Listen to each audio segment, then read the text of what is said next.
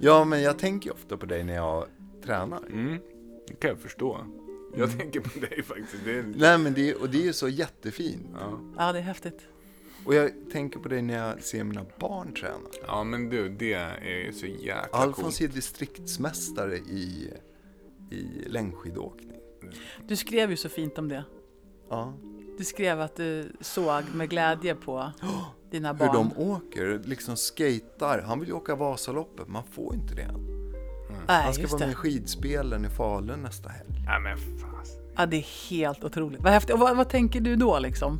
Ja, men att han har, att det är ju någonting som jag också har förvärvat och jag kan också tänka att det är någonting som han har fått. Inte bara från mig utan också Johanna. Att det är ju, för honom är det naturligt. Ska vi... Elliot spelar innebandy, båda spelar fotboll. Alltså det fanns ju inte. De känner att de kan. Ja, ja, Ja. ja, jag är bäst. Elliot, där- de vann en match med 14-0 och i bilen hem säger Elliot mig, jag gjorde det avgörande målet. och det var ju 14-0 målet.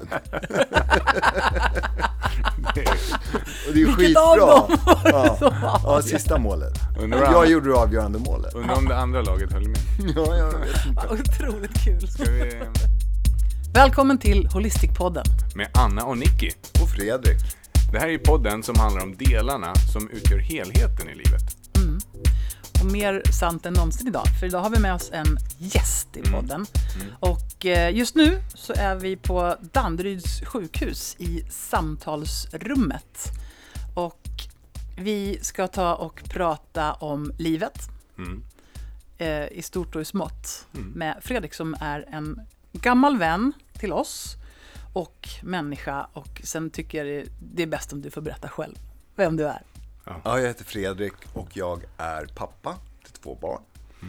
Eh, och jag är god vän till er. Jag är människa. Jag är dessutom präst. Just precis. Och eh, du var verksam här på sjukhuset för ett tag sedan. För, Fem år sedan ungefär. Och jobbade här i ungefär fem år som sjukhuspräst. Och nu har ju du visat oss lite grann, för jag är ju en sån här människa som får lite ont i magen bara jag kliver in på ett sjukhus. Jag tycker det är otäckt. Men det tycker inte du. Nej, jag tycker inte det är otäckt. Utan tvärtom. Det är ganska fint. Och speciellt som idag. När jag Ja. gick i korridorer som jag känner till. Och varje korridor leder till en avdelning där jag har mött en människa. Och oftast var det mötet väldigt fint.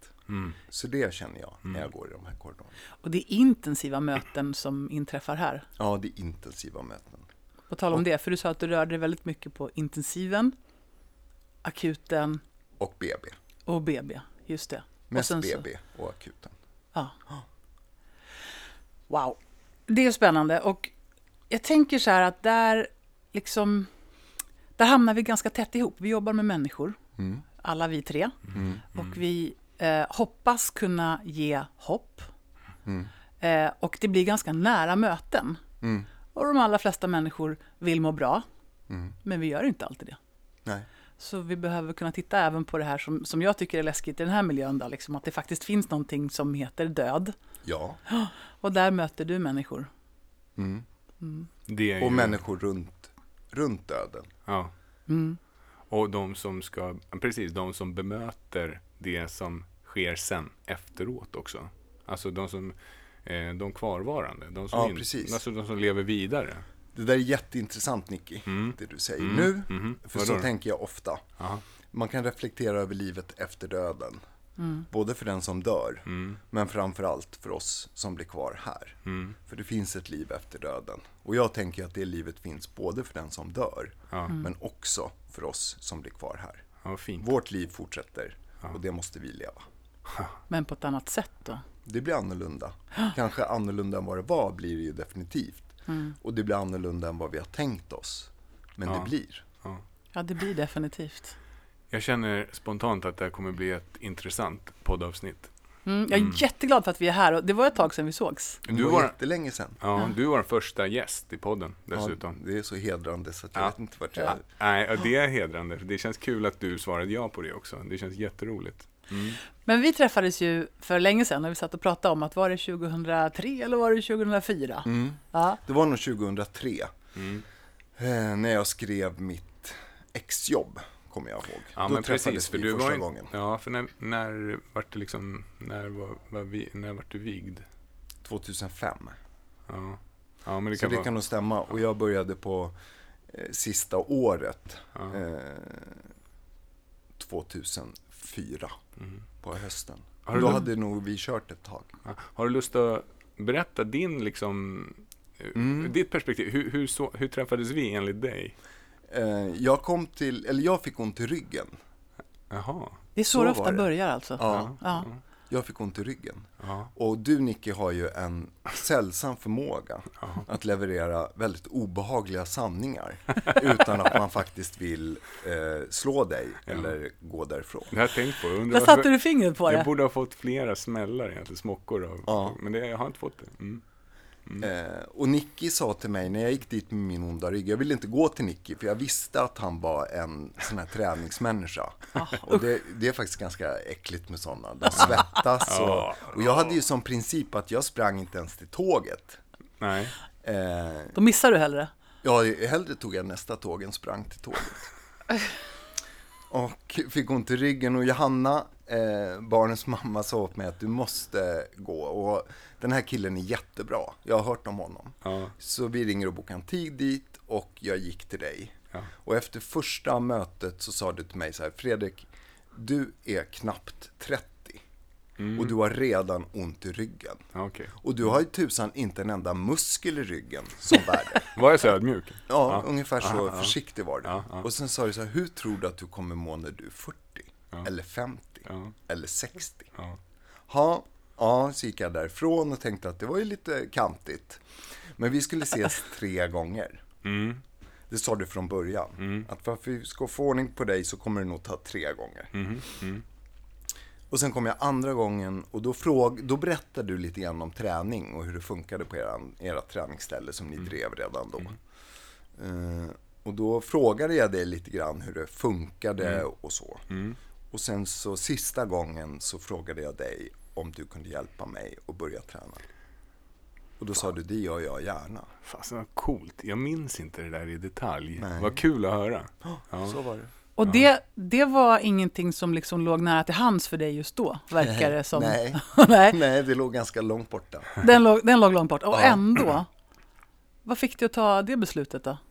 För att det fanns någon som hjälpte mig och jag tog emot den hjälpen.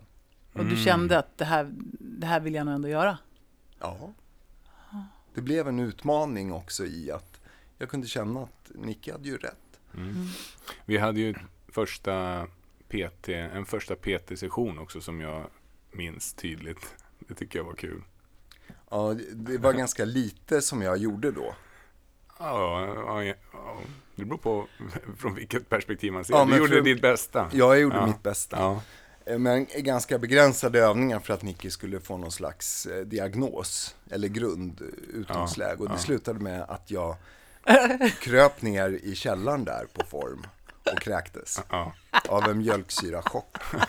Ja, ni skrattar, det Ja, men var jag vet, förfärligt. ja, vet du vad? Ja, jag förstår, det var Du förfärligt. är inte ensam ska jag säga, det hände flera som Ja, gjorde exakt men det. det, det som var häftigt, och jag tar det ofta som exempel, det är att Fredrik valde ju att se det ur absolut bästa synvinkel. Det vill säga, Ja. du, du, du vart ju förbannad då. Mm. Det Ja, det var, ja, jag, för jag kunde ju se. ja, och du tänkte så här, det får fasen inte vara så här jädra dåligt. Nej. Så här dåligt får det inte vara.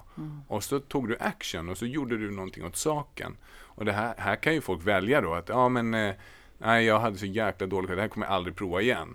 Nej. Men från den dagen så gjorde ju du en förändring i ditt liv i alla Ja, fall. Som absolut. på, på ett eller annat sätt eh, färglade resten av ditt liv Ja. på många sätt. Och det tycker jag var starkt gjort. Och det var ju det var kul. Jag har aldrig hört någon svära så mycket som du gör på träningspassen.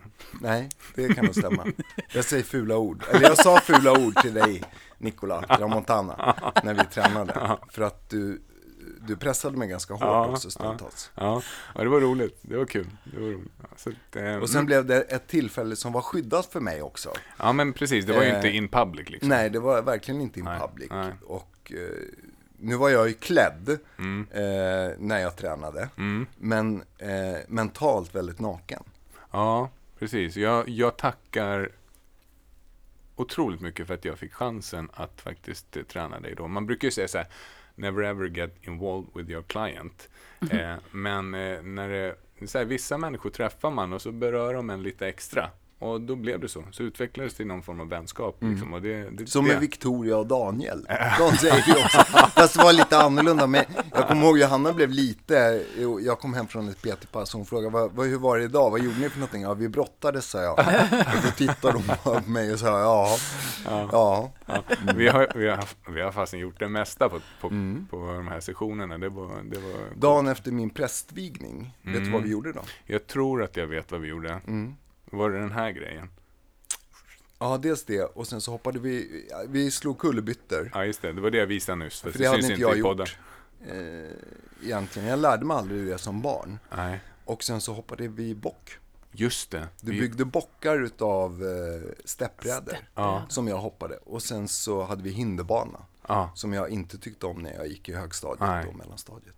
Och sen lyckades du göra en kullerbytta. Jag gjorde flera, jag gjorde ju kullerbyttor i alla eh, PT-pass. Sen bara Hela gjorde du rulla hela vägen hem.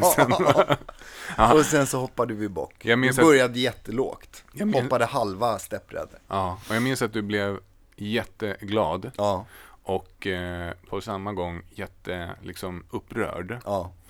Eh, och jag tänker så här, skolidrotten är ju ett ganska känsligt ämne för många människor. Mm. Och på många sätt har den förändrats. Men, men om du skulle ge något eh, snällt eh, råd och tips till skolidrotten, vad skulle det vara? Så här spontant. Att eh, söka rörelseglädje hos varje barn. Mm. Och inte döma människor. Eller Nej, liksom sådär. nej. Så för det blir ju lätt en bedömningsfråga Ja. när man då ska vara duktig på någonting. Och det där tror jag sätter käppar i hjulen för väldigt, väldigt många framtida rörelsevilja. Ja. Och också att det fanns en, en em, saker som inte existerade i andra ämnen som jag kan tycka att det är förfärligt. Mhm, som vadå? Att det satt lister ute i liksom vid omklädningsrummen. Vem som var bäst och vem som var sämst på orienteringen till exempel med tider. Ja, just det. Eller- prestationsbedömning direkt. Ja, absolut. Ja. Eller hur fort du hade sprungit på 60 eller 80 eller 100 meter eller vad det var man sprang. Mm. Men det var aldrig någon som läste upp från första snubbe till sista snubbe på biologiprovet eller på, Nej, nej. eh, på svenskan. Att, Nej. eh, den fick en två eller den fick en tre eller den var kass. Eller, eh, och bara där så sorterar du ju människor i den som kan och den som inte kan. Absolut. Och det görs vid tidig ålder. ja. Och det är jättesvårt att bryta med den identiteten. Det blir väldigt eh, kraftfullt ident- identifierande. Ja. Så blir det. Mm. Och dessutom på ett grundbehov. Därför att om vi tittar på häls, alltså träning och aktivitet Mm. så är det liksom egentligen, det handlar inte om prestation. Det handlar ju om en viktig ingrediens för att vi ska må bra. Ja. Och är det något man behöver göra så är det liksom att dra ner prestation. Liksom. Mm. Gå bara på vad folk kan tänka sig. Jag menar, lär folk att tycka om att röra på sig oavsett Mm. hur och vad.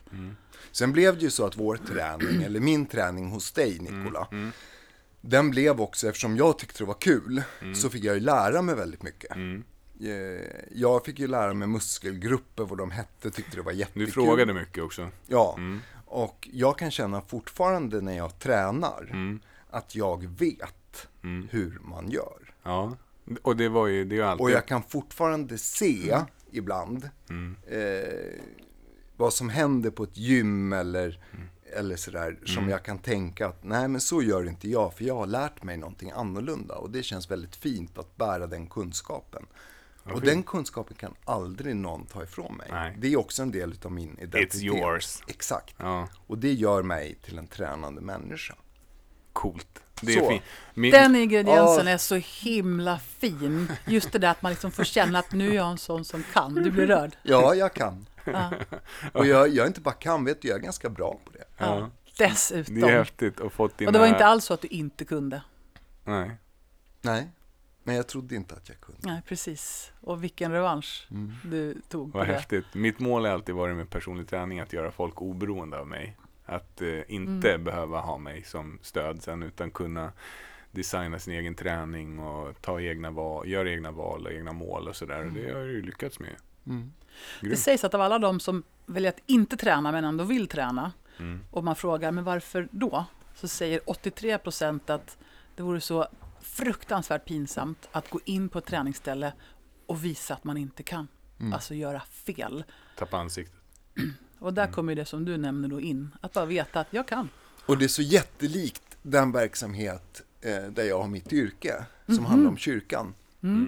Hur många drar sig inte från att komma till kyrkan för att man tänker att om jag går in där så hör inte jag dit. Jag har inte varit där. Jag känner längtan efter att gå till kyrkan. Men jag vet inte när man ska stå upp eller sitta ner. Jag, vet, jag kan inte sjunga med i psalmerna för jag har inte hört dem förut. Men jag längtar dit.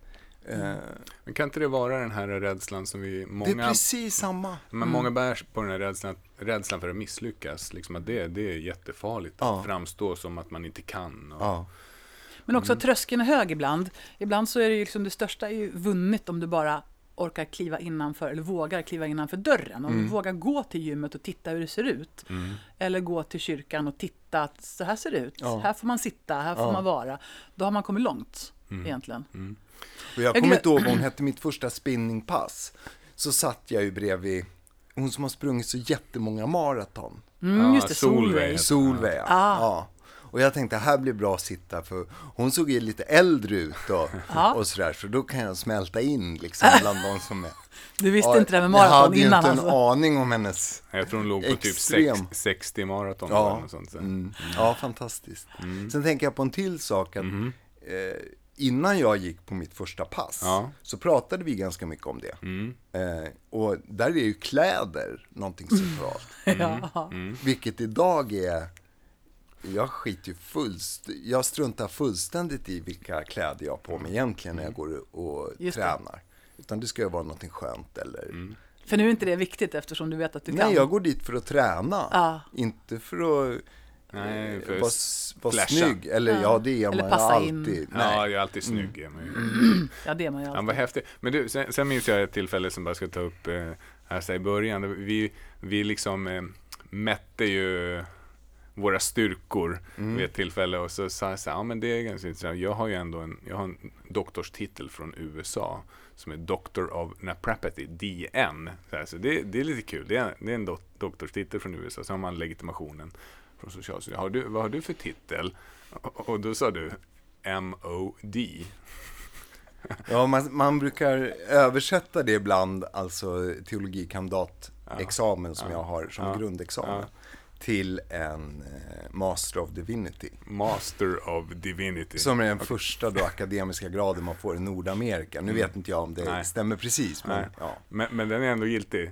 Det är Ja. USA. Och då kände jag direkt att pff, Sen Det så har jag en till coolt. titel? VDM, som man har som präst. VDM. Det? Verbi Divini Minister. Och det Oj. tycker jag är jättefint. Det Och det- gudomliga ordets tjänare. Wow. Ja. Ja, men, Det går inte att kan- tävla med Nej, det gudomliga Nicky. ordets mästare, Tjänare. tjänare och master of divinity. Ja. Ja. det är svårslaget. Ja, det är jättefint. Det är underbart. Men jag är Det- imponerad av eh, Dr. of Napa. Men, ja, ja, det var kul. det där andra. Napapapap. Na- Naprapathy. Ja, ska man förklara det för de som... Ja, Ja, men vi behöver inte ha språkskola. Nappra prata. Mm. Ja, ja, napraprat. vi kan napraprata om något annat. Men, eh, ja, så det är fantastiskt roligt. Vad vad roligt. Mm. Och så tittar ni på mig. Mm. Då tänkte jag säga så här, att om vi pratar idag om livet och vi pratar om, vi sa tro och hopp och kärlek. Och då la du till, Närvaro, öppenhet och hopp. ja. Och de tre orden tyckte jag var superfina och mysiga. Eh, om vi pratar om det idag, vad tror vi att det kan leda till? Vad det kan leda till.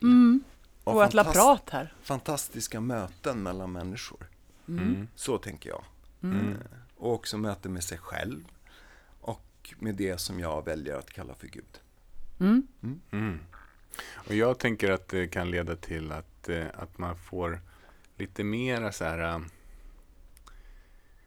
perspektiv på livet. Alltså jag kan tycka att ibland när man är full of it, liksom när man är, det är fullt upp i livet och det bara mm, rullar på, då kan det vara ganska skönt att kunna känna hopp och tro kring någonting. Att det finns en boj där i framtiden som man kan blicka åt.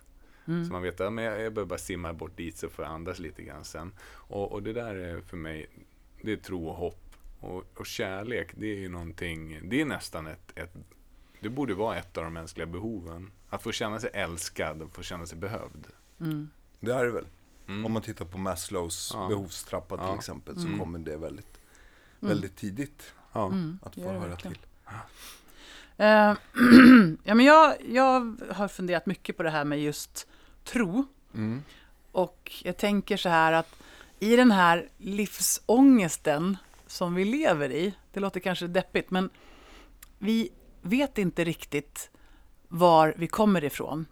Nej. Mamma och pappa såklart, men någonstans där så kommer en... en Det var fan- inte det den här podden skulle handla om. det kan vi till. Kärlek! Ja, Storken pratade vi om förra, tidigare på där. Ja. Eh, vi vet inte exakt var själen kommer in. nej. Vi lever och är kapabla till så oändligt mycket. Mm. Och det sker magiska saker när vi möter andra människor. Saker som vi inte ännu kan förklara. Nej. Vi vet inte exakt vad som händer när vi sen går. Nej. Och om någon frågar, vart, vart är vi någonstans? Ja, men vi är i universum. Ja, vart är det då? Här. Det är så många saker vi inte vet. Och jag tänker så här att den här tron blir någonting att luta sig emot när alla de här sakerna blir för stora. Och jag tänker att få tro på någonting är därför en friskfaktor i livet. Och jag Ja. tänker att om man inte får tro på någonting eller känner att man inte vet vad man ska tro på, Eller måste tro. eller måste tro, precis, exakt, då, då tänker jag att det kan bli lite tomt. Framförallt när det stormar. Jag tänker när du säger så, Mm. så tänker jag att tron är en frisk faktor och också en riskfaktor. Ja, vad När spännande. tro inte blir tro till exempel, utan vetande. Ja, just det. Att jag, vet, att, att jag inte tror längre och att det får vara tro, att det lämnar den öppenhet som du säger, att det får vara ett hopp och inte en sanning. Eh, Att jag vet precis hur allting hänger ihop, att jag vet Det är ingen vetenskap. Nej, det, nej. Det heter ju tro. Tro är tro. Mm. Sen kan jag känna visshet om vissa saker, känna mig trygg i det, att jag kan vila i det. Mm. Men jag tror att det är jätteviktigt att det får vara just tro. Spännande. Och inte ett vetande kring till exempel hur Gud är eller hur Gud verkar eller Nej. hur allting hänger ihop. Det är dolt för mig. Mm. Det Exakt. är för stora tankar för mig. Och det finns ju så många saker som än så länge är dolt för oss, Mm. men som ändå finns för oss. Det går inte riktigt att ta på och Nej. därför måste man ju då i så fall våga tro utan att veta. Ja, Ja. ja. Ehm, så vi tänker att vad kan man ta med sig efter det här samtalet? Då? Vad tror vi? Bra fråga. Ja, men lite tro och hopp kanske. Ja, hopp vore väl häftigt om man kunde få ta med sig. Ja. ja. Ja. Jag, jag tycker det var, skulle vara kul att få med sig en sån här, för mig i alla fall, en sån här mysig känsla. Det är så här, ja men det där känns som en värme, en varm hand som man kan lägga på bröstet emellanåt. Mm. Det är Fredriks hand då du pratar om. Man, jag tänker så här, som man faktiskt kan ta med sig. Ja, Det finns ett ord, ordspråk eller ett ordstäv som är att hoppet är det sista som överger en. Ja, ja. Och det ordspråket tycker jag förfärligt illa om. alltså. ja vad kul. Berätta mer. Om vi istället tänker att vårt hopp, det vi hoppas på, aldrig någonsin överger, så blir det mycket mer hoppfullt. Att det aldrig någonsin överger. Nej, den jag hoppas på överger inte. Wow. Mm. Det är som den där fina berättelsen med fotspåren i sanden. Visst har du hört den? Ja, absolut. Såklart. Det är en sån. Ja, Ber- vad är det? Film det är, eh, jag vet inte var det kommer ifrån från början. Vill du, kan du berätta? berättelse. Det är en, någon legend. Det Mm. handlar om en, jag kan, jag kan den inte, han går på en strand och bet, han betraktar sitt liv Mm. tillbaka och ser eh, två par fotspår och konstaterar att det ena paret är hans och det andra är Guds. Och vid vissa tillfällen i hans liv, de svåraste när han hade det riktigt svårt, då blir det bara ett par fotspår. Och han möter Gud och är ganska arg och säger att hur kan det komma sig att när jag hade det som allra, allra svårast att du lämnade mig då? Och då svarar Gud att jag lämnade inte dig, men jag bar dig då. Åh, det där klarar jag inte av riktigt. Det är så fint. Tutar du nu? Ja, Ja. det är Nu sjukt sitter fint. de och snyftar. Ja, men det där är, det där är bland Det det, är fint. finaste jag vet. Ja, exakt. Men den tanken bär att, att hoppet inte överger. Nej. Nej. Och Det sen kan Ja, vi definiera vårt hopp hur vi vill, men Exakt, och det där är också en definitionsfråga eftersom jag, jag har ju då en annan känsla för vad min tro är än vad din religion är till exempel. mm. Eh, för det, det är lite skilt för mig. Jag tror absolut, och då, då är det så här, då är det så här klyschigt, ja men tro på en högre makt eller någonting. Så, ja men jag, det är lite åt det hållet. Men jag vet inte om jag är en religiös människa. Det är det som är liksom kruxet för mig. Och jag men du är en det, andlig människa. ja, Exakt, jag tänkte på det här. Det här med andlighet, spiritualitet Mm. är ju någonting. Vad Mm. är det? Det ligger väldigt nära religionen, eller jag tänker religionen som det yttre formatet Mm. utav eh, den andliga utövningen. Förstår ni vad jag menar? Det, det som jag gör. Um, Ja, men det är som att man säger att yoga är ingen religion, nej, men det man gör för en närmare eh, sig själv.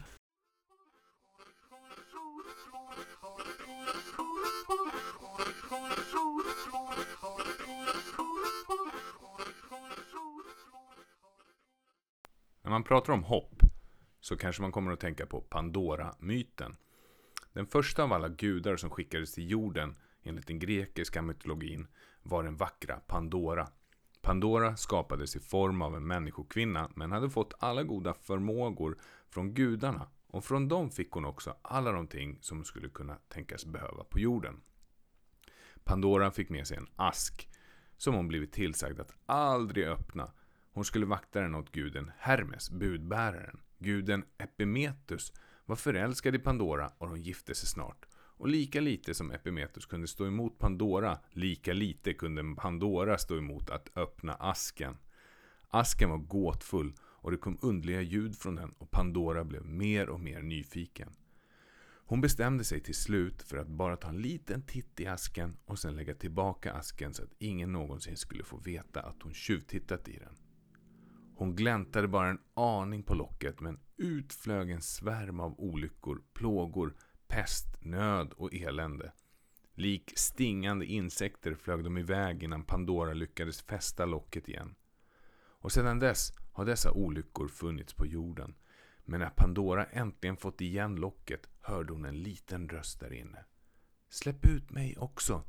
Pandora gläntade på locket en sista gång och ut flög hoppet i form av en ljusblå fjäril. Den ljusblå fjärilen flyger nu ovanför våra huvuden och ser till att vaka över oss. Ibland kan det vara svårt att se. Vi måste lyfta blicken lite för att se det, men hoppet finns alltid där.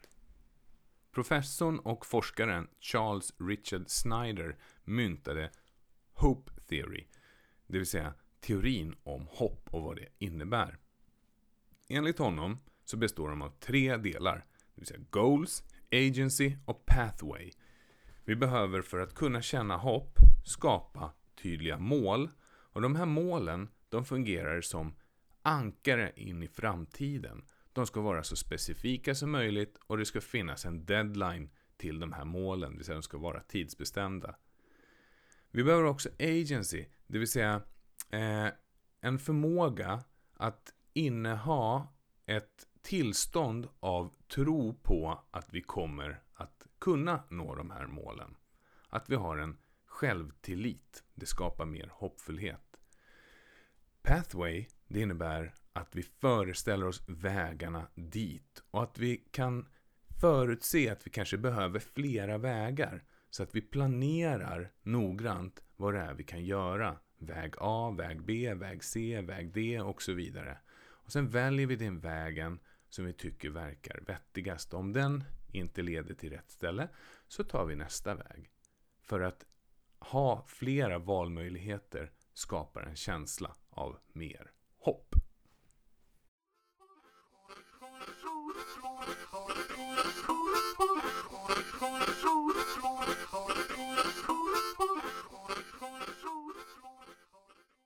Så eh, om vi pratar vidare kring eh, de här grundbegreppen som vi hade då. Vi har några ord med oss och det är Mm. tro och hopp och kärlek. Och sen är det närvaro och så är det öppenhet. Mm. Och om vi pratar lite om tro då, vilket vi redan har gjort en del. Mm.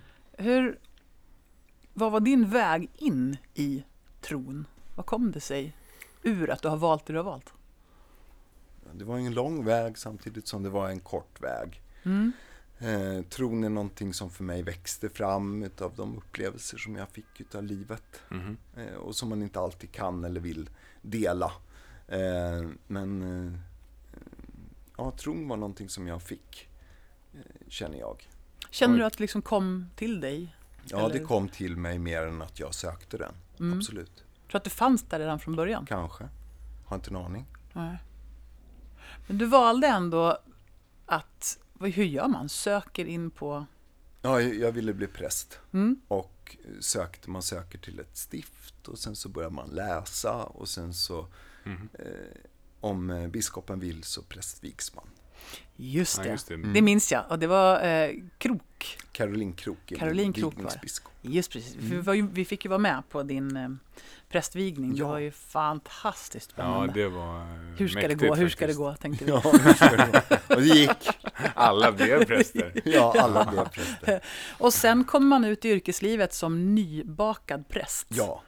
Hur- Då är man pastorsadjunkt i ett år. Mm. Det vill säga, det är ungefär som AT-läkare. Man är präst och gör alla de prästerliga uppgifterna, men man har en handledare som Mm.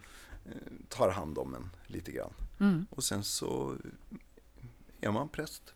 Almost master of divinity. Ja, eller man är det Sen- innan när man har läst, men det är det Ja, praktiska ja. som kommer till. Ah, Okej, Att lära sig hantverket. jag förstår. Och du möter människor. Ja. Är det det det handlar om? Mm.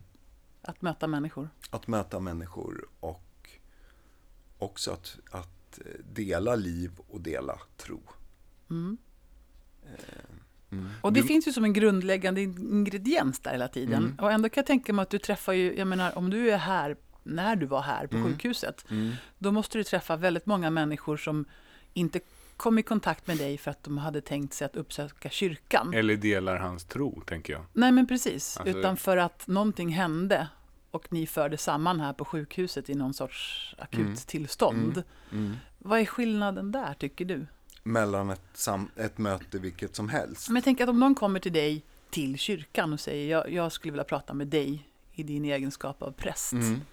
Alternativt att ni träffas här för att någonting har hänt som Men är... ofta när, när jag kom då, Mm. när någonting hade hänt, Mm, så ville man verkligen prata med en präst. ja.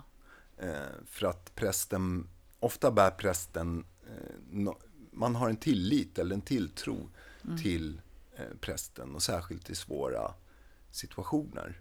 Där Och att man ju. fungerar ibland som någonting som kallas för ställföreträdande hopp. Mm. Att när ingen annan hoppas eller när jag inte orkar hoppas så hoppas du. Mm. Eh, Vad fint. Mm, eller Mm. ställföreträdande tro. Du kanske inte orkar tro. Men Nej. då tror jag för dig en liten stund. Mm, det där är Så får det vara så. Fint. Mm. Häftigt. Och jag tänker att det gäller er också i era möten med människor.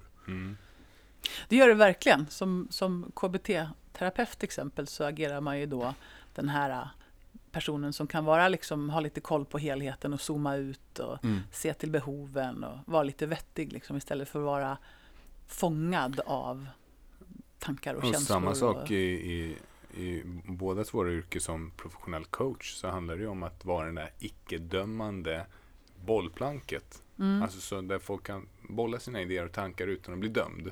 Exakt. Eh, Och ni står ut ja, och stannar kvar. ja, vi, Det tror jag också är jätteviktigt. och det Mm. spelar ingen roll vad de säger egentligen. Man Nej. kan ändå inte döma dem. Det är inte det det går, då funkar inte processen. Så att det, det ska man ju känna tydligt att ja, men det, jag är inte här för att döma dig. Jag är här för att lyssna på dig. Jag är här för att hjälpa dig att Mm. nå din fulla potential.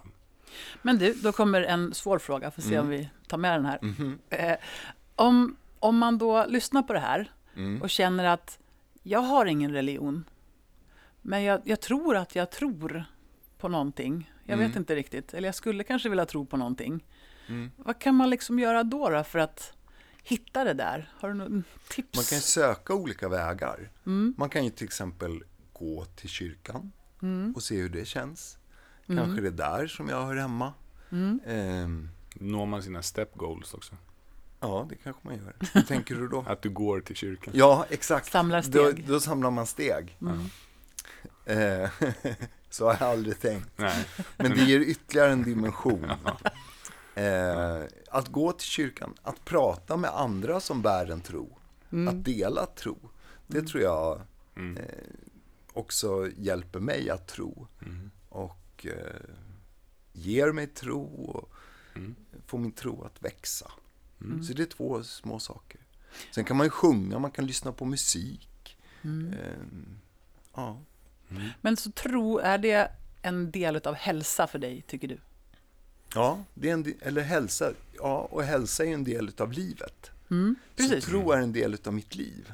Mm. Och jag vet att Nikola, när jag började träna hos dig så pratade du om att träning är li- lika självklart som att jag äter, andas och går på toaletten. Och så kan jag tänka att också tro är.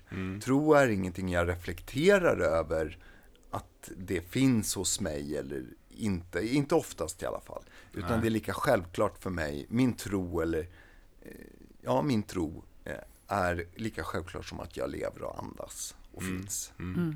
kan man ju relatera till ändå. Alltså på något sätt. Ja. Mm. Och också det här att inte döma. Mm. Hör jag dit eller hör jag inte dit? Mm. Duger jag eller duger jag inte? Mm. Får jag gå på det här passet? Mm. Spinningpasset, fast jag inte kan det här. Ja, så tror man, man har föreställning om att det kanske jag inte får. Nej, men vilket exakt. ju, när du kommer in i gemenskapen liksom, eller där, så förstår man ganska snabbt, jo men alla får ju gå på det här passet. Ja. Ah, någon gång har ju alla gått på sitt första pass. Ja. Alltså någon gång har alla varit nybörjare. Och den här vetskapen, liksom, när man släpper det där att fan skitsamma, man får stå med brallorna nere liksom och så kan man gå åt fel håll eller man kan gå i Ja, otakt. vad eller ska hända? Ja, men vad ska hända? Vad är det värsta? Liksom, det är Ja. ju ingen big deal egentligen. Men det kan kännas så himla jobbigt. Fast, ja, Det är en befrielse. ja det är det. Och det är Mm. en befrielse att söka upp det där som känns så läskigt också. Mm. För att... Och någon gång tänker jag var det första gången för er. Ja, ja, Eller? ja. ja. Eh, du menar att... Eh, ja, Överhuvudtaget. Ja, både... Ja, nu tänker jag... Från början tänkte jag att det handlade Jag om träning. jag föddes rakt ner på en spinningcykel. Bara, Ja. plopp, plopp, och så började jag göra Så bara spinning. kom det. Ja, så började jag spinning direkt. Gisses! Ja, då Första det gången du Var tänker när man träffar en patient liksom. Nej, eller? ja, ja, både det, men kanske första gången du... Eh, jag vet att du simmade till exempel. Ja, ja, ja, ja. ja. det, jag var så nersläppt när jag var liten upplever jag. Ja. Jag var så här, va? Vad gör jag här? Det här Ja. kan ju inte jag. Och Men det så, fanns ingen rädsla i det eller mindre att du inte, att du kände att nej men det här kan inte jag, det här eh, jo, får inte jag vara med på. Här hör inte jag hemma. Nej, alltid. Självklar hör hemma. Mm. Här, alltid, jag har aldrig någonsin känt att jag inte hörde hemma. Nej. Men däremot en liten sån här tanke om att oj, men det här kan ju inte jag. Varför Nej. har de släppt ner mig här? Ja. Eh, och så hoppade jag i bassängen och så, jag tror jag vann med en halv bassänglängd. Oj. Och lika förvånad fortfarande. Va? Mm. Vadå? Är det klart nu? Ja. Ja, du hade det tufft. Nej, just det var inte så tufft. Men eh, det Nej. kanske är så när man är tillräckligt tappad, liksom, så här nersläppt. Ja. Man är förvånad mest hela tiden. Men jag tänker, det finns en annan sak Ja. Eh, som jag känner till om Anna. Mhm. Oj. Wow. Som jag vet har... har Du ser som är, lu- lurig ut. Ja, nu är jag lite lurig. Ja. Ja. du får klappa om du vill. Nej, nej, nej, nej, nej. Det här är ju spännande. Eh, om du ska, eller skulle i alla fall, ut och flyga. Vad händer då? Åh, vet du, jag har tänkt ganska mycket på det, för vi ska ju ut och flyga snart. Ja, just det. Vi ska till, ja. Mm. Det är lite liknande känsla att komma in hit. Det är, liksom, det är som att alarmsystemet slår på. Ja. Det här är läskigt, det här är farligt. Och du anar inte hur mycket jag har tänkt på det här med att flyga. Så mycket.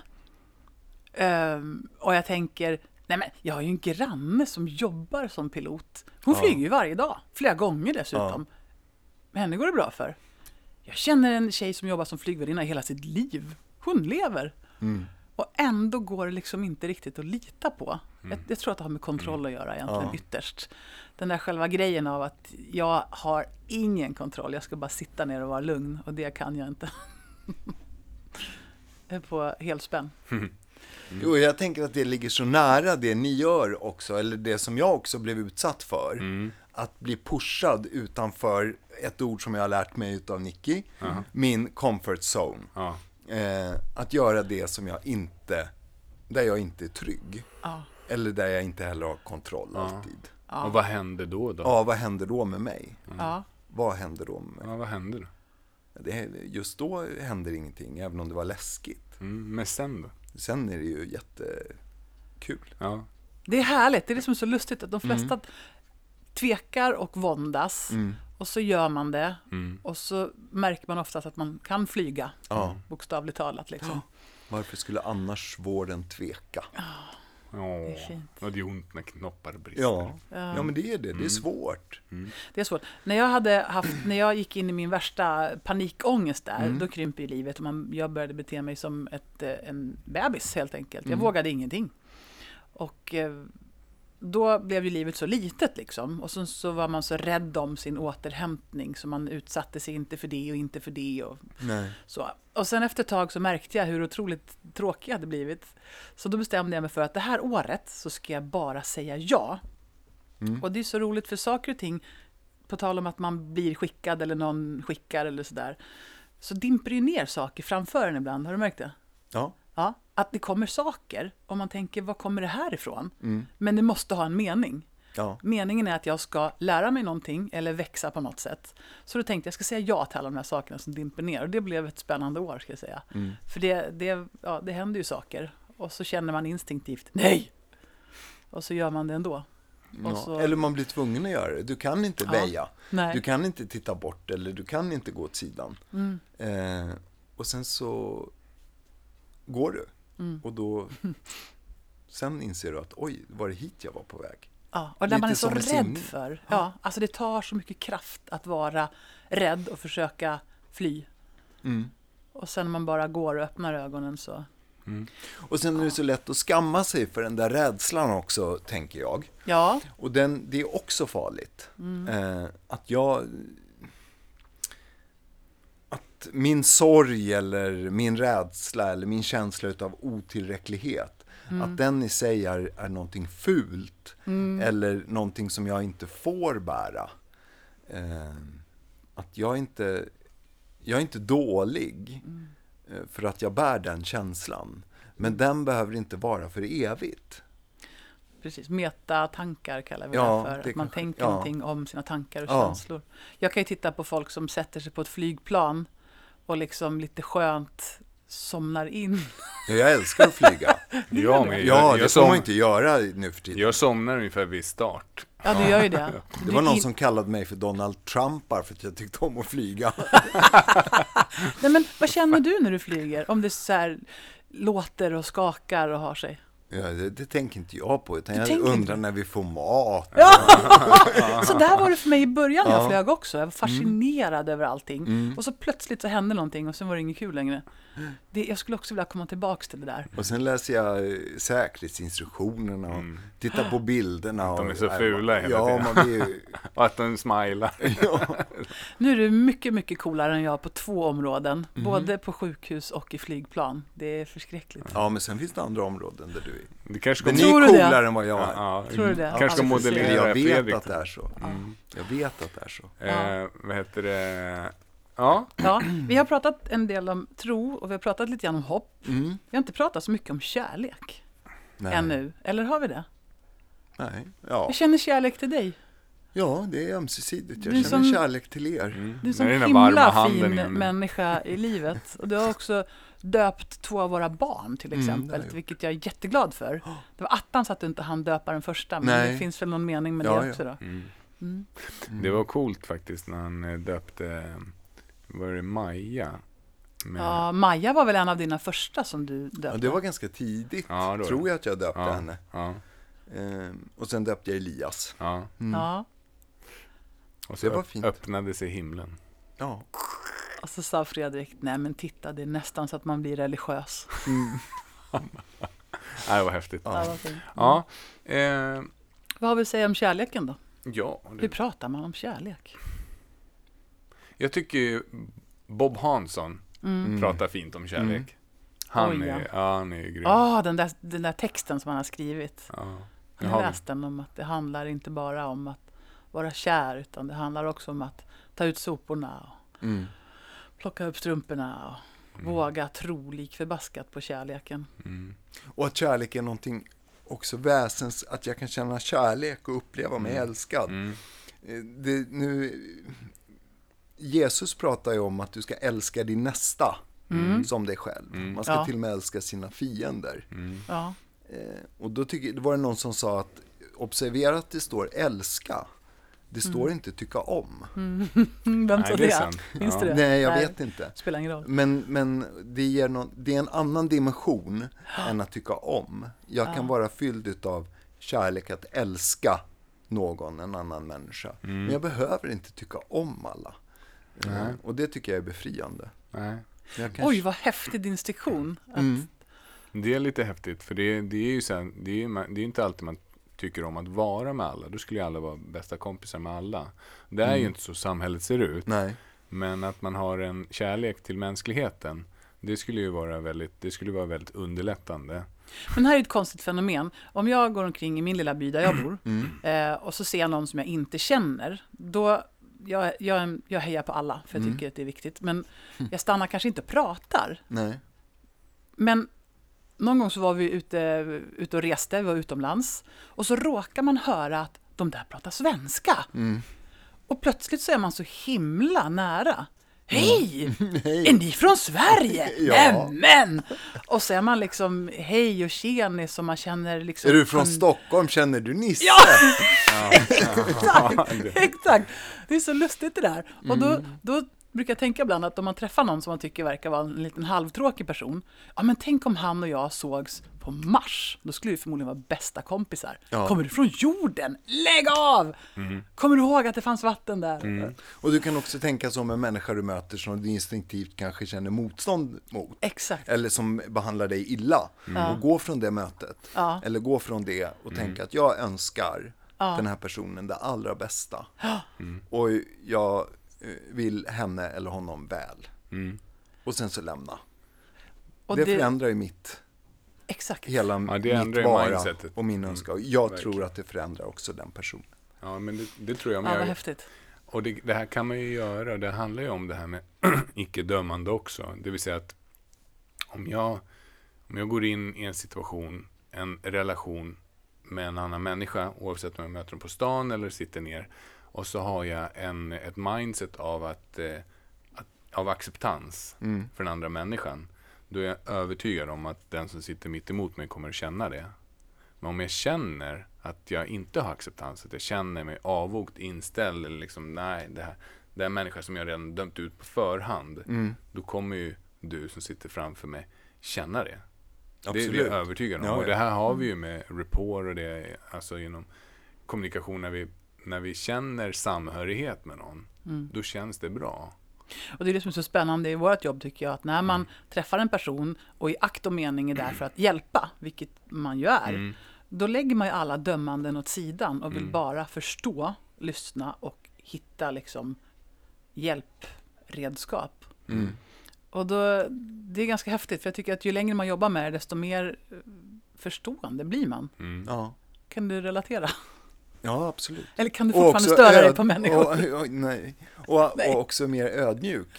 ja, att om jag exakt. kommer till någonting och tänker att jag ska hjälpa Mm. och sen förstår jag att jag är i en situation där jag inte kan hjälpa dig. Nej, Jag kan inte göra allting bra igen, Mm. även om jag jättegärna Nej. skulle vilja det. Mm. Men det jag kan göra, det är att vara här en stund Mm. tillsammans med dig. Mm. Mm. Och det är också någonting väldigt fint att göra Mm. och att det får räcka. Det är otroligt fint de gånger man har fått den hjälpen. Mm. Att någon bara är där. Kan inte göra något, men jag är här Nej. med dig. Mm. Det är ovärderligt. Och jag behöver inte säga någonting. Nej. Eller jag kanske till och med kan säga att jag vet inte vad jag ska säga. Nej. Eller jag kanske till och med kan säga att jag önskar att jag kunde göra allting bra igen, men det kan inte jag. Men jag sitter här en stund. För det tror jag folk har väldigt svårt för överlag. Någonting hemskt har hänt. Mm. Hur möter man den här människan?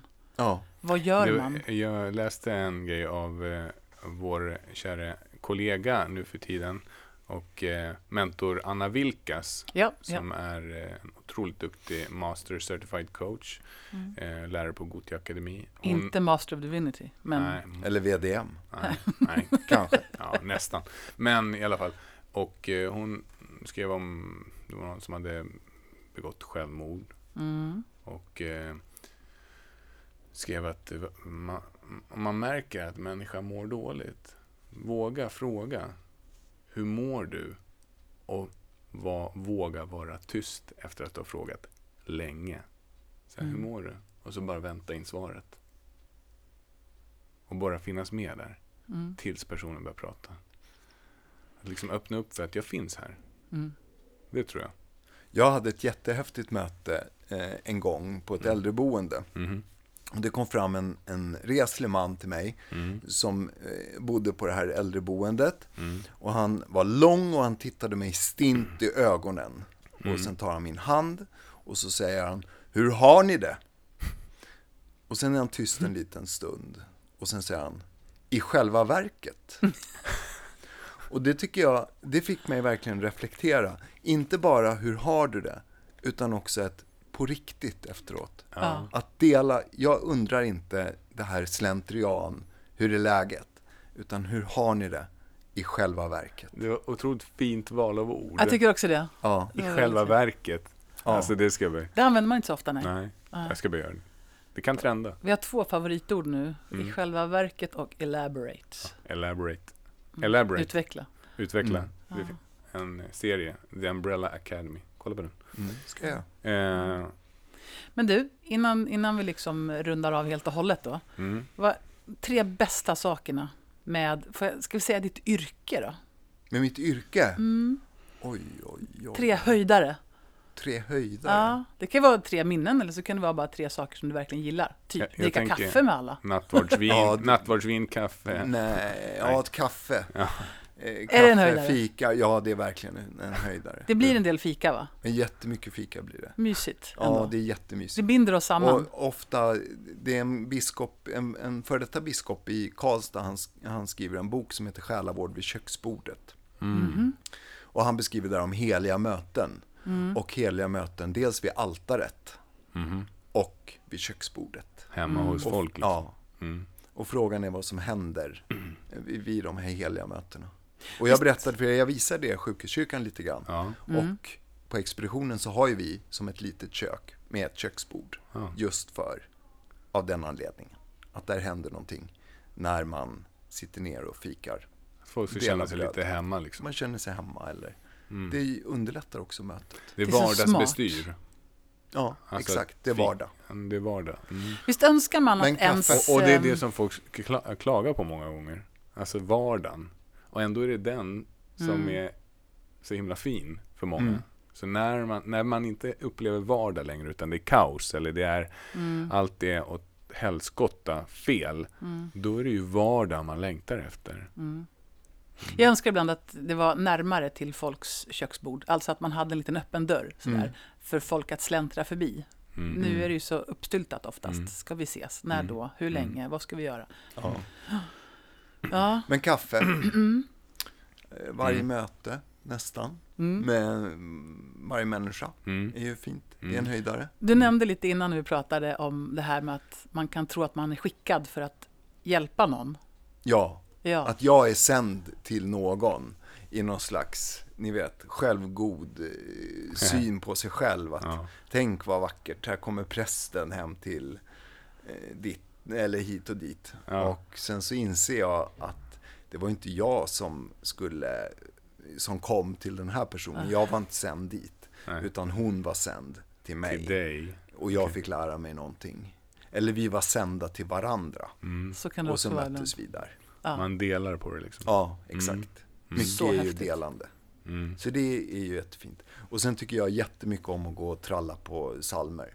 Det är också en höjdare. Tycker du- är det kul? präst. Ja, det är jättekul. Jag tycker de är så tråkiga. Nej, inte, Nej, men inte jag, det tyckte du inte när vi tränade. Eller så var det en del i din yrkesutövning bara att du höll med. Ja, men, Vi trallade ju på jättemycket psalmer. Jag lärde dig bibeltexter och ja, psalmer. men du, det kan, med all, bibeltexter, alla våra prat som vi har haft, alltså det, det, det var fantastiskt. Det Mm. var ögonöppnare många gånger. För det, det ger ju en så här, hjärnan är ju metafordriven liksom. Och alla de här bibelberättelserna och citaten och sånt där, och psalmer för den delen, eh, de är ju på något sätt som en metafor som öppnar upp medvetandet. Sen tycker jag inte att alla psalmer är bra. Nej, det men- tycker inte jag heller. Nej, men, eh, men det är otroligt, eh, det ligger kraft i det där. Mm. Jag minns, jag minns framförallt en, ett samtal som vi hade om eh, Nicea, Mm. om när det skulle avgöra om det var gudomligt eller inte. Med vatten och olja och Just vin det. och vatten och Mm. sådär. Och så. Men det kan vi ta en Ja, annan det gång. får vi prata Eller Ja. något utav kyrkomötena var det. Det kanske inte var, jag vet inte. Jo, men det var någon Nicea. Eller Jo, kan det är- se de 451. Säkert. Ja, Jag det tror att det finns var flera. Nicea 300, Ja, eh, 323. 325. 25. Det var nära. Det var nära. Om man ska Ja, ta de tre, kyrkohistoria. om man ska ta de tre besvärligaste sakerna då? Om det nu finns några. Mm. Otillräcklighet. Just Mm. den här längtan efter att kunna göra allting bra. Mm. Att ibland stå ut med hur det är. Det är Mm. jättesvårt. Mm. Eh, sen vet jag inte. Sen kan det ju vara så här interna saker är ju svårt. Mm. Alltså kyrkan som organisation. Det är också ett... Mm. Det är inte alltid som organisationen hjälper det som vi är satta att göra. Ganska gammal företagskultur också. Ja, det kan man säga. Jag började ju 33 år efter Kristus. Så, eh, själva firman har ju funnits ett tag.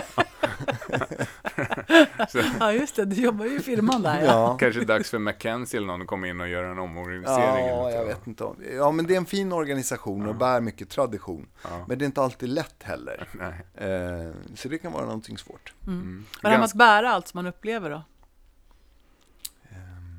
Nej, det tycker jag man hittar, det lär man sig. Precis som ni lär er Mm. eh, att, att vara tillsammans med människor. Så jag tänker att det är ett hantverk. Mm. Precis som det är att vilket yrke man än har Mm. så vet man hur man ska göra. Om man är sjuksköterska och sätta en, en infart eller eh, om man är tandläkare och laga ett hål eller Mm. eh, fixa med vad man än, bilmäck. Mm. Så vet man ungefär hur man ska hantera vissa situationer och så är det ju som präst också. Ja, det är sant. Mm. Men är, Det är är, häftigt. Det är inte så mycket drama alltid. Är det hierarkisk organisation eller är det mer platt? Nej, jag skulle kalla den för hierarkisk. Mm. Det har inte jag några problem med. Nej. Jag tycker om lite hierarkisk Mm. organisation. Men Så du är då, du är VD kan man säga. nej, det är jag inte. Är Nu är det? jag församlingsherde. Vad blir det då igen? Ja, jag vet inte vad det blir. Har du någon över dig? Ja, det har jag. Många? Ja, eller många. Ja, jag har en kyrkoherde, Mm. eh, min chef, en jättefin person. Mm. Och eh, sen har jag kyrkorådet som är som styrelsen. Ja, just det. Mm. Mm. Så eh, din eh, kyrkoherde är ju VDn då? Ja, Så då är du, kan man säga, mellanchef? ja Mm. Så du har distriktschef. en distriktschef? Ja, just nu. Sektionschef? Ja, mer distrikt än sektion. Mm. Spännande. Så vi ville, vi ville ha ett samtal som innehåller både fakta och filosofi. Nu vet jag inte exakt hur mycket fakta vi har lutat oss mot, men vi har filosoferat Mm. en hel del. Och vi har pratat om eh, livet, tro, hopp, kärlek, Mm. närvaro och öppenhet. Vi hade ju en podd som vi kallade för autenticitet. Just det. Som kanske touchar in lite grann på det här modet att våga vara öppen och visa vem man är. Mm. Mm. Och vi hade en liten ansats om att det handlade om hopp en hel del. Vi, vi sa att hopp är en fantastisk känsla. Mm. Är det en känsla? Tanke, Ja, eller, känsla. eller visshet ja, kanske ja, också. ja. Det är Eh, definitivt en känsla tycker jag, att känna. Alltså man tänker så här, man, när man velar, då står Mm. man och väger mellan höger och vänster ben. Mm. Man liksom står på ena och står på andra och står och väntar. Men när man känner hopp, då kan man stanna upp och så kan man stå på båda fötterna och känna att man är i balans. Det, Müsli. Där kom den. Kan inte berätta om balansmüsli. ja. Alltså du, det är kul Fredrik, för att vi, vi, gjorde, vi, gjorde ju upphopp till exempel. Och du, du landade liksom inte så normalt, utan du gjorde någon form av... Normalt? Vad är det? Ja, men, på tal om icke-dömande. ja, exakt. Ja. Nej, men eh, han, han, landade på ett speciellt sätt. Som gjorde att han också... Han ramlade ner, han gjorde en kullerbytta fast han inte tänkte på det. Ja. Men du höll i alla fall, du, var, du, hade, du hade utmaningen med att hålla balansen. Ja, absolut. Helt klart. Och så frågade jag dig så här, vad, eh, om jag knäpper med fingrarna, vilket ord dyker upp, eller vilket ord dyker upp eh, i ditt huvud då? Så knäppte jag med fingrarna. Och då sa du? Müsli. Müsli? Va? Va? Vad menar du? ja men du vet, axa, balansmüsli. Är det det första som dyker upp när du tänker på balans? Ja. alltså ändrade vi den här bilden. Minns, mm. minns du vad det var för bild vi ändrade till? Kan du komma ihåg det? Vad, om jag knäpper med fingrarna nu, tänker på balans, vad tänker Nej, du? Då tänker jag gå på lina och hålla i den där. En stång? Ja, ja det var det vi ändrade till. Du såg en lindansare ja. som gick mellan, vad det nu var? Ja, två stycken. Lite cirkus. Ja, lite cirkus liksom. med en stor sån här stav som höll Exakt. balansen. Mm. Och det som hände då, när vi sen gjorde de här balansövningarna, sen, sen gjorde du upphopp mm. och så landade du och höll balansen. Mm. När du höll den bilden i huvudet. Mm. Det är ganska häftigt ändå. Det är en ganska talande bild för hopp också egentligen. Mm, att ja. man har ett hopp om att jag ser mig själv att klara det här. Att hoppas, hoppa också. Ja, Om man inte vet hur jag landar. ja, ja, och ändra de bilderna i huvudet också. Alltså de tankar vi har, de, de skapar ju känslor och bilder i vårt huvud. Och om vi kan få en chans att kunna ändra de här tankarna till någonting som är mer givande eller eh, giv, alltså som hjälper oss istället på, tra, på vägen då, då finns det ganska stor kraft att hämta i det. Mm. Ungefär mm. som balans, müsli. Balans. Mm. mm. Och ett ord som vi har pratat om i dolda termer, kommer jag på nu, det är mm. ju mod. Ja, ja, det är ju M-O-D. Ja, ni tycker ja. Och det är ju mod. Men mod är ju någonting fint. Mm. Ja, det är fint. Mod hänger ju också ihop med rädsla. Verkligen. Mycket. Eh, Mycket. Att jag är modig i relation till min rädsla. Mm. Och kanske att det modiga är att våga göra saker som man är rädd för. Mm. Ja, utsätta sig för det. Och att det är ganska modigt att vara rädd och dessutom erkänna sin rädsla. Mm, det, att erkänna den tror jag är grymt modigt. Ja. Mm. Att det, det, det, tycker jag är bland det vackraste. Mm. När man, mm. också när jag vågar göra det, mm. eh, eller när andra gör det. Mm. Att säga ursäkta, eller snälla, kan du hjälpa mig? För att jag kan inte det här. Att be om hjälp? Ja, att be om hjälp och ta emot hjälp. Att våga säga tack, att våga säga förlåt. Ja. Samma grej. Och sen att... Tack, hjälp, förlåt. Ja. Mm. Och att, att eh, våga vara sårbar. Mm. Alltså, det är inte alltid lätt att veta vad det där innebär. Men, mm. Det kommer jag på, det är någonting fint med mitt yrke. Mm. Jag har blivit befriad från avundsjuka. Oj. Oj, berätta. Jo, men alla möten jag, som jag gör, mm. eller ofta, ja. så kan jag tänka att varje människa bär sitt. Mm. Det så spelar det ingen roll vad jag tänker innan om allt det som den människan har. Nej. Utan jag har fått möta och se att alla människor, mm. alla människor mm. bär sitt. Och det är mm. inte så himla lätt att vara människa. Mm. Och det är en erfarenhet. För någon. För någon. Nej. Inte ens med den vackraste yta, inte ens med den som tycks har det så himla bra och ofelbart. Mm. mm. Eh, då kan jag tänka att nej, jag bär mitt liv och den personen bär sitt liv. Och tänk, mm. här är vi. Mm. Och det är inte så lätt att vara människa. Nej, för någon. Och det nej, tror jag är jättebra någon. att komma. Ytan mm. kan se tjusig ut på Instagram och grejer, ja. men alla har sina grejer. Du delade en text en gång för länge sedan, jag vet inte om du minns det. Nej. Eh, det stod någonting, någonting med att eh, mod är att eh, på kvällen viska jag försöker igen imorgon. Just det. Någonting sånt. Modet tycker... är inte högröstat. Nej. Det är den stilla rösten som viskar jag försöker igen imorgon. Ja, det där får jag rysa av. Mm. Det är också så otroligt vackert. Du sa också en gång att eh, vi pratade om mörker och mörka tankar mm. och, och sådana saker. Och då sa du att, eh, att eh, tänk på att ett enda ljus kan lysa mm. upp ett helt rum av mörker. Mm. Mm. Och det där fastnade också. Att man, man liksom, ibland så vill man ha så jävla mycket av allting. Det ska bli, Ja. så, ske så mycket, mycket, mycket hela tiden. Stora förändringar och sånt. Men oftast är det de här små sakerna som, som är betydelsefulla. Och när vi ser dem, det är då det här, det är då ljuset kan börja spira. Mm. Och, och plötsligt så skingras de här mörker tankarna och, och det börjar kännas lättare igen. Ja, men på tal om hopp, det, det är hopp för mig. mm, Att känna att den där lilla saken kommer att göra skillnad. mm, Och så får man en hopp, ett hopp om att ja, men det kan jag göra. Det kan jag göra. Mm. Det känner jag att jag kan göra nu. mm, Men om man tänker på hur ska vi lösa klimatkrisen? Hur ska jag Mm. lösa den själv? Mm. Då känner jag hopplöshet till exempel. Mm. Det är det där lilla. Men du hade, ska vi... Ska Ja, jag skulle jättegärna avsluta? vilja att, att dela någonting utav hopp. Mm. mm, Eh, så tänk om Anna kunde ge Nicky någonting utav sitt hopp. För jag tror att delande, det gör att någonting växer. Mm. Och vi får mer utav det. Och Anna ger Nicky hopp. mm, Och jag ger Anna hopp. Och Nicky ger mig lite utav hopp. mm, Mm. mm, Så en sak som jag har tänkt på på sistone som har gett mig mycket hopp. mm, Om man tänker på den här jättestora bilden av hur ska vi rädda världen, då, då känner jag mig kraftlös och hopplös. Jag känner att jag inte kan göra det själv. mm, Men så tänkte jag så här, ja, men om jag tar ansvar för att göra sånt som jag mår bra av.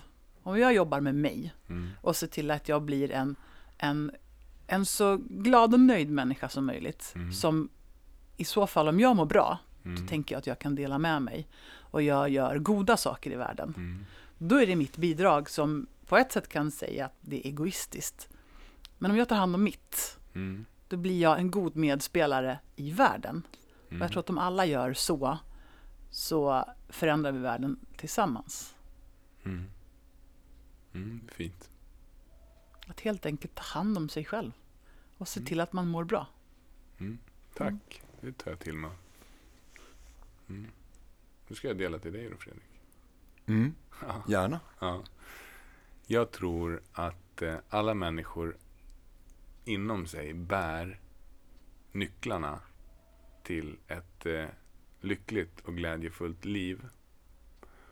Och att om man vågar lita på sig själv, om man vågar vara sin allra, allra, allra bästa vän. Om man vågar prata till sig själv så som man skulle prata till ett barn som man älskar. Så tror jag att de här nycklarna kan öppnas. Och då kan man få ett ännu bättre och härligare liv.